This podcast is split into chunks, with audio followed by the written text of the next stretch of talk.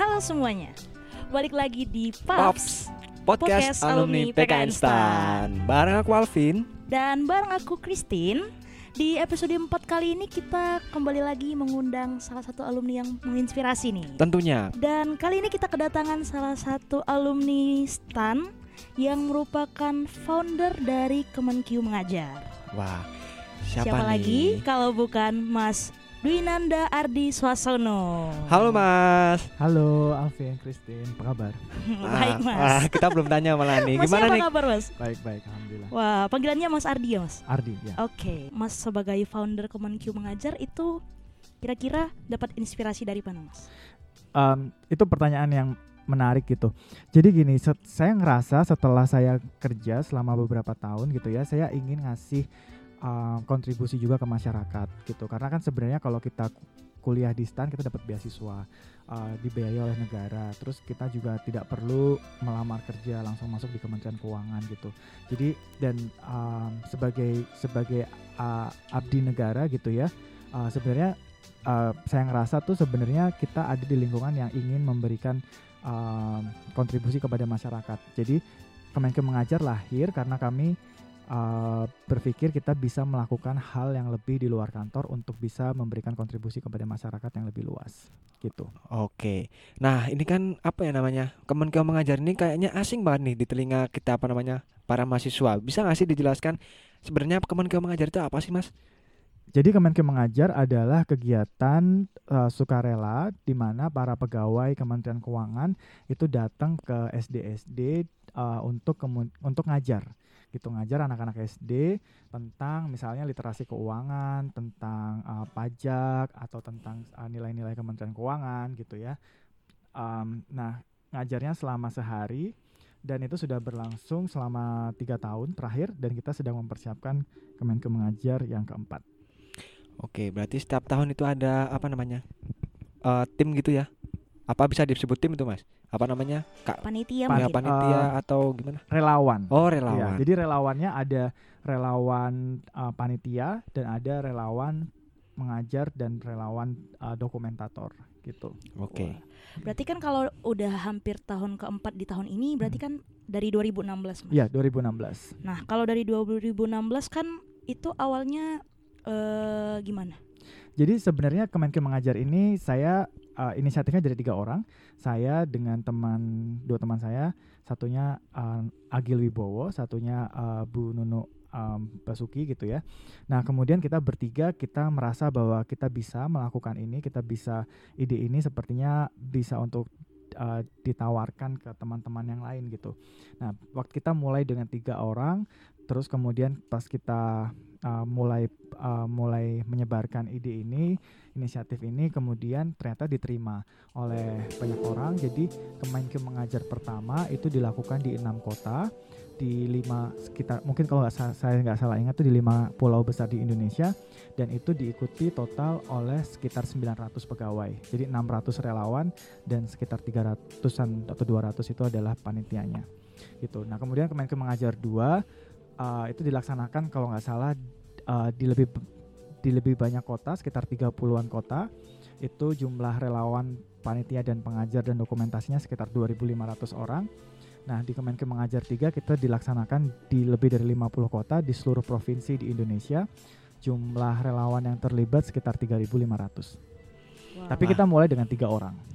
Jadi gitu. semakin berkembang Meningkat, nih Iya, bener. Alhamdulillah. Hmm, dari tahun pertama ke tahun kedua kan ada peningkatan pesat nih kan, Mas. Eh, kira-kira apa sih yang mendorong terjadinya peningkatan pesat? Karena saya rasa kar- karena kami rasa sebetulnya uh, para pegawai di Kementerian Keuangan ini um, suka juga gitu untuk uh, apa ber- memberikan kontribusi kepada masyarakat gitu. Dan kegiatan Kemenkeu Mengajar itu sebenarnya seru banget karena kita bisa ketemu dengan anak-anak anak-anak uh, di sekolah dasar ya yang sebenarnya uh, jadi seru gitu belajarnya dengan mereka gitu. Kalau untuk anak-anak kelas 1 kit- misalnya kita ngajarinnya sambil nyanyi atau sambil nari gitu ya terus kita bawa alat peraga yang lucu-lucu gitu. Nah kalau yang kelas misalnya kelas besar kelas 5 kelas 6 tuh bisa lebih uh, serius materinya jadi kita bisa mulai memperkenalkan pajak kepada mereka. Karena somehow kan sebenarnya mereka ini adalah future taxpayer gitu Nah, jadi uh, itulah cara kita untuk uh, untuk untuk juga lebih memperkenalkan uh, pajak dan juga uh, sebenarnya bukan cuma itu tapi juga tugas dan fungsi dari Kementerian Keuangan gitu. Oke, nah tadi kan uh, apa namanya setiap tahun kan itu ada pegawainya semakin banyak kan mas. Nah itu gimana cara menghubungkan para pegawai-pegawai itu untuk bergabung dengan apa ya namanya apa tadi dengan Kemenkeu mengajar Kan jadi itu kan dilaksanakan dalam satu hari yang serentak dan lebih dari 3.500 berpuluh-puluh kota gitu mas. Gimana cara menghubungkan mereka semua untuk Kemenkeu mengajar ini? Jadi pertama kita sistemnya open recruitment dan uh, untuk panitia dulu gitu. Jadi uh, dan kita menggunakan misalnya sosial media dan juga kita sebarkan melalui email Kemenkeu bahwa kita akan membuka kesempatan bagi para pegawai yang ingin uh, menjadi panitia Kemenkeu mengajar baik itu di level pusat maupun di level daerah. Nah setelah itu kita mulai uh, ada ada misalnya komunikasi sarana komunikasi melalui WhatsApp grup misalnya ya. Terus uh, sudah terbentuk panitia, nanti kemudian panitia akan um, apa di daerah akan melakukan persiapan masing-masing, tapi tetap koordinasi dengan uh, panitia pusat. Nah kemudian nanti setelah semua panitia terbentuk di di kota-kota yang akan menjadi tempat penyelenggaraan Kemenkeu mengajar, terus kita open recruitment untuk pengajarnya dan uh, relawan dokumentator, gitu. Oke, nah Terus kan apa ya namanya? Tadi kan Kemenkeu mengajar itu uh, mengajar dari SD ya. SD kelas 1 di mana mereka itu apa ya namanya kayak masih waktunya bermain, bersenang-senang. Nah, yeah. sebenarnya tujuannya apa sih? Tujuan utamanya yang ingin dicari dicapai lewat Kemenkeu mengajar itu tadi. Iya, jadi sebenarnya tujuannya memang untuk memperkenalkan uh, Kemenkeu kepada anak-anak di sekolah dasar. Tapi Kemenkeu itu kan luas juga. Jadi uh, apa namanya bisa juga kayak bahwa kami uh, apa di, kita di Kemenkeu itu mempersiapkan kebijakan ekonomi, kebijakan fiskal. Terus habis itu ada bea cukai yang menjaga uh, apa wilayah-wilayah perbatasan di Indonesia misalnya atau juga uh, menjaga tempat-tempat uh, seperti bandara dari uh, penyelundupan narkoba dan segala macam. Jadi ada perkenalan fungsi dan juga perkenalan uh, apa namanya isu-isu yang ada di Kementerian Keuangan juga, misalnya soal uh, apa menabung gitu ya. Bagaimana sebenarnya sekolah mereka dibangun dari uang pajak yang kayak gitu-gitu. Hmm, dan ketika akhirnya memutuskan untuk membuat Kemenkeu mengajar ini mas kenapa memilih anak SD gitu dibanding mungkin uh, mungkin SMP atau SMA kan sebenarnya sudah lebih mengerti tentang tugas negara gitu. Tapi kenapa uh, akhirnya memutuskan untuk memilih anak SD? Karena uh, kita ngerasa anak-anak SD itu adalah uh, basic dari uh, dari lembaga pendidikan yang ada di Indonesia. Maksudnya SD itu adalah uh, institusi pertama kita belajar gitu. Jadi harapannya kalau kita udah mulai memperkenalkan itu di level yang paling uh, dasar dulu, itu anak-anak mulai familiar gitu dan anak-anak uh, akan ingat gitu uh, menjadi pengalaman yang memorable buat mereka. Walaupun tentu saja kalau mengajarnya di SD itu materinya tidak bisa berat ya, tidak bisa teknis uh, lain halnya kalau ngajar di SMP atau di SMA gitu. Tapi memang tujuannya memang lebih ke arah memperkenalkan dan juga uh, apa namanya supaya mereka lebih familiar dengan dengan dengan uh, tupoksi dan juga apa yang isu-isu di uh, lingkungan Kementerian Keuangan. Nah, uh, untuk apa ya namanya kalau kita ngajarin anak SD itu kan nggak mungkin ya langsung mereka tuh paham. Nah mungkin kesulitannya itu bisa dibagi dong kesulitannya apa aja nih mas? Uh, seru banget. Jadi kalau uh, karena kita sudah berlangsung tiga tahun ya misalnya uh, kita membekali para relawan sebelum mereka terjun ke uh, SD karena kan sebenarnya relawannya itu juga bukan pengajar ya bukan guru. Jadi kita ada sesi pedagogik gitu ke ke para relawannya dulu. Kita kumpulkan kita berikan uh, pemahaman mengajar anak SD itu seperti ini gitu misalnya. Nanti kalau uh, apa bagaimana cara ya supaya menyenangkan dan anak-anaknya bisa mendapat menerima materinya ada ma jadi serelawannya sebelum mengajar akan diberikan persiapan seperti semacam short uh, semacam satu hari sesi training gitu nah tapi memang kadang-kadang uh, terjadi hal-hal yang di luar dugaan kita gitu Uh, jadi kadang-kadang anak SD itu ada yang berantem di kelas gitu kan. Memang. terus ada ada yang nangis gitu atau ada yang pengen nyanyi terus tapi ada yang lari-larian di kelas gitu. Nah, jadi kadang-kadang kita terus jadinya relawannya itu perlu untuk berkoordinasi dengan guru wali kelas gitu Gi- gimana apa yang bisa kita lakukan untuk mengkondisikan kelas gitu kadang-kadang perlu juga uh, bawa alat peraga yang menarik makanya ada kadang-kadang kita ada relawan yang jadi boneka pajak tuh Uh, jadi di- pakai kostum pajak supaya lebih dapat lebih anak-anak sih bisa menyerap atau kadang-kadang kita ajak main di luar kelas di lapangan yang kayak gitu Oke nih. Terus Wow. Mau tanya apa lagi nih Kak Titin? Masih banyak nih yang mau kita tanya nih. Nah, bagaimana nih apa namanya memilih uh, SD yang akan dijadikan objek objek percobaan? Kira-kira pertimbangan iya. ya eh, untuk memilih sekolah dasar yang akan didatengin untuk Kemenkyu mengajar itu apa, Mas? Uh, yang pertama tentu SD-nya uh, mau didatengin ya Iya.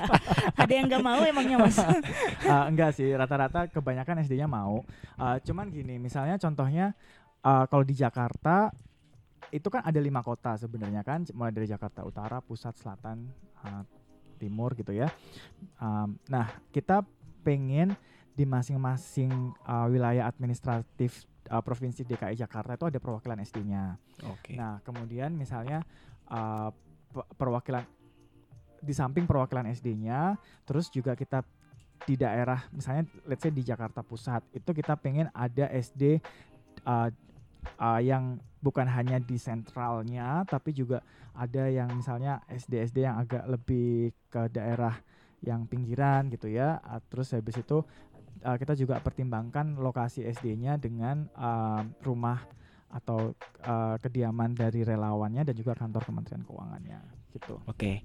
Wilayah terjauh yang pernah dijangkau Kemenkyu mengajar kira-kira Um, seberapa jauh, Mas? ya, jadi kan Kemenkeu mengajar ini sudah di seluruh Indonesia. Di Kemenkeu mengajar ketiga itu uh, udah di seluruh provinsi di Indonesia. Jadi uh, kalau nggak salah di wilayah Papua itu Oh jadi ada beberapa ada beberapa wilayah remote ya atau wilayah yang agak sulit dijangkau. Misalnya di Papua itu ada relawan Kemenkeu mengajar yang sampai harus naik kapal. Naik kapal untuk menjangkau wilayah SD-nya. Jadi dari daratan Jayapura mereka naik kapal pakai biaya sendiri gitu. Terus habis itu ngajar di eh, apa di sat- salah satu pulau terpencil. Terus saya ingat juga ada eh, relawan ada relawan yang mengajar di eh, kaki Gunung eh, Rinjani. Uh, terus ada juga yang mengajar uh, di pedalaman Jambi misalnya gitu. Oke. Jadi memang udah sampai ke remote area sih ngajarnya. Oke. Nah, terus apa yang apa tadi namanya kan uh, katanya pakai uh, dana sendiri ya? Ya, betul. Ini kegiatan sukarelawan non non APBN. Oke, non APBN. Nah, jadi untuk apa namanya relawannya sendiri itu apakah uh, mereka itu bisa dari Jakarta terus dikirimkan ke uh, katakanlah tadi ya di remote area seperti kaki Gunung Rinjani ataupun di Papua apakah hanya semamanya katakan kalau ada yang apa namanya relawan dari Papua khusus Papua gitu apakah seperti itu? Enggak. Jadi uh, kita membebaskan relawan untuk memilih tempat mengajar. Oke. Uh, jadi kalau misalnya saya tinggal di Jakarta, saya tetap uh, bisa mengajar di Papua kalau saya mau. Tapi uh, biaya yang keluar itu dari saya sendiri gitu. Oke. Nah, kita memberikan uh, apa namanya penugasan kepada relawan dari kantor untuk melakukan tugas mengajar ini selama sehari. Kira-kira eh, kalau tadi Mas bilang kan eh, berarti kan kita tuh nggak dapat pembayaran apa-apa dan Betul. ini betul-betul eh, dalam rangka sukarela gitu. Ya, dapatnya pahala sih Iya, benar. Itu pasti dan kepuasan dong. batin. Ya kira-kira berarti spirit apa yang eh, terbentuk dari Kemenkyu mengajar ini? Uh, pertama spirit untuk berkontribusi kepada masyarakat. Kemudian spirit untuk menjadi bagian dari solusi. Karena kan sebenarnya kita tuh sering dengar bahwa uh, tax ratio misalnya itu sangat rendah gitu. Karena orang belum pada sadar pajak, belum pada bayar pajak. Tapi apa yang bisa kita lakukan? Sebenarnya bisa kok. Nah, uh, dari pegawai Kemenkeu sendiri bisa juga turun langsung memperkenalkan pajak kepada anak-anak SD ini. Tapi sebenarnya jangan salah. Uh, tadi kenapa yang diajar SD anak-anak SD itu nanti kalau pulang mereka akan cerita ke orang tuanya gitu tadi ada nih kakak-kakak dari kemen atau bapak ibu dari Kementerian Keuangan uh, uh, apa mengajar uh, mengajarkan saya tentang misalnya menabung tentang misalnya uh, bapak uh, bapak ibu Kemenkeu mengajar mengatakan kalau bapak dan ibu itu membayar pajak sehingga uang pajaknya bisa untuk membangun gedung sekolah gitu. Hal-hal yang kayak gini tuh sebenarnya juga uh, side effects dari Kementerian Meng- ke, ke Kemenkeu mengajar yang kita seneng sih gitu. Karena juga bukan itu tadi hubungan antara anak dan orang tua. Di samping itu juga sebenarnya kita jadi punya membangun komunikasi dengan pihak sekolah gitu. Dengan pihak sekolah, dengan Bapak Ibu gurunya dan juga dengan pihak-pihak lain misalnya eh, Kementerian Pendidikan gitu. Jadi ini jadi jatuhnya jadi upaya kolaboratif dari banyak stakeholders gitu untuk untuk uh, melakukan sesuatu di bidang pendidikan. Wow. Berat ya? Pastinya apa nih agak sus- sulit ya dengan apa namanya? Dengan mengajari anak SD yang seperti pajak, kebijakan fiskal pasti sangat sulit sekali. Hmm, kalau lihat dari banyaknya relawan yang merupakan eh, pastinya pegawai Kementerian Keuangan kan, Betul. eh, kalau lihat dari Kemenkeu mengajar tiga nih Mas, eh, ternyata akhirnya bisa eh, di Kemenkeu mengajar tiga ada turut Bu Sri Mulyani Betul. juga datang untuk mengajar. Itu gimana ceritanya?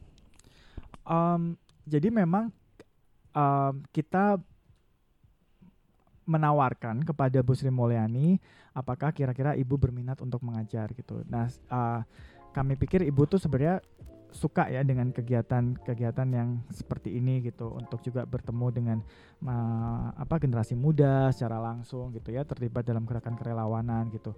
Nah, jadinya kebetulan pada saat itu uh, jadwal ibu juga uh, bisa gitu terus jadinya ya kita kita kita mempersiapkan um, mempersiapkan uh, segala hal yang perlu dipersiapkan sebelum ibu mengajar dan ketika ibu mengajar memang uh, kami jadi senang juga karena Pak Wakil Menteri Keuangan, Pak Sekjen, pejabat eselon 1 uh, banyak pejabat eselon 1 juga yang uh, terus serta ngajar tahun lalu gitu.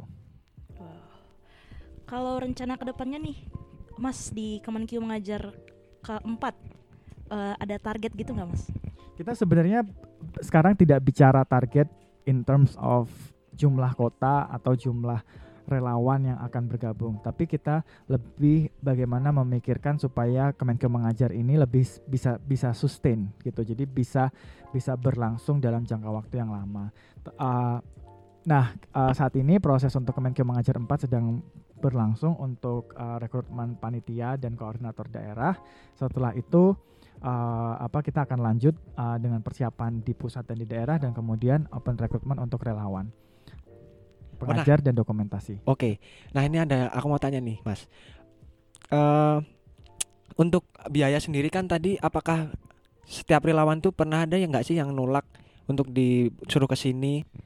Itu pertanyaan menarik yang sebenarnya selalu muncul setiap tahun gitu.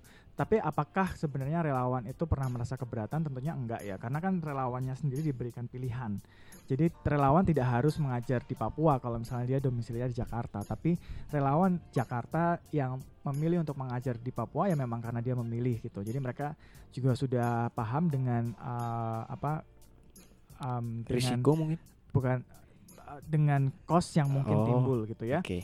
Nah, uh, tetapi kadang-kadang justru yang kita juga banyak dengar adalah mereka memang sangat uh, sangat uh, sadar untuk melakukan ini karena mereka pengen berkontribusi kepada masyarakat gitu, pengen ketemu misalnya uh, melihat langsung sistem pendidikan di apa Indonesia Timur itu seperti apa gitu.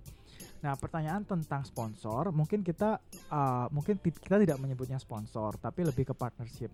Oke. Um, kita terbuka tetapi kita uh, masih me- masih merundingkan itu. Masih terus mendiskusikan itu. Sebenarnya arahnya bukan tadi ya uh, partner lebih ke partnership bukan sponsorship. Jadi lebih ke antara kerjasama antara pemerintah karena kita Kemenkeu mengajar ya dengan uh, uh, dengan uh, dengan unsur masyarakat yang lain. Supaya uh, Kemenkeu mengajar ini lebih lebih banyak um, efeknya lebih terasa lebih besar dampaknya uh, jatuhnya lagi kepada masyarakat gitu Ada nggak sih impian buat dari Mas Ardi sendiri untuk seluruh apa namanya di seluruh sekolah di Nusantara khususnya SD, SMP, SMA itu dapat materi dari Kemenkeu mengajar? Apakah ada target ataupun mungkin yang penting setiap anu, setiap daerah itu ada dulu gitu? Um, kalau setiap daerah ada dulu kan itu sudah di Kemenkeu mengajar tiga itu sudah ada di seluruh provinsi dan sudah ada di lebih dari 50 kota. Um, mungkin ya uh, yang kita ingin uh, apa jaga adalah tadi sustainability-nya jadi bisa berlangsung panjang dan sebenarnya kurikulumnya uh, bisa kita kembangkan lagi. Misalnya kalau kita mau ngomongin pajak uh, bagaimana cara penyampaian pajak yang uh, uh, apa lebih detail dan lebih uh, sesuai dengan target audiens. Apakah mengajar pajak kelas 1 sampai kelas 3 itu materinya bisa dibedakan dengan mengajar pajak kelas 4 sampai kelas 6. Uh, jadi untuk yang detail itu lebih uh, hal-hal uh, yang lebih detail dari Kemenkeu mengajar itu yang ingin ingin terus kita uh, kembangkan sih.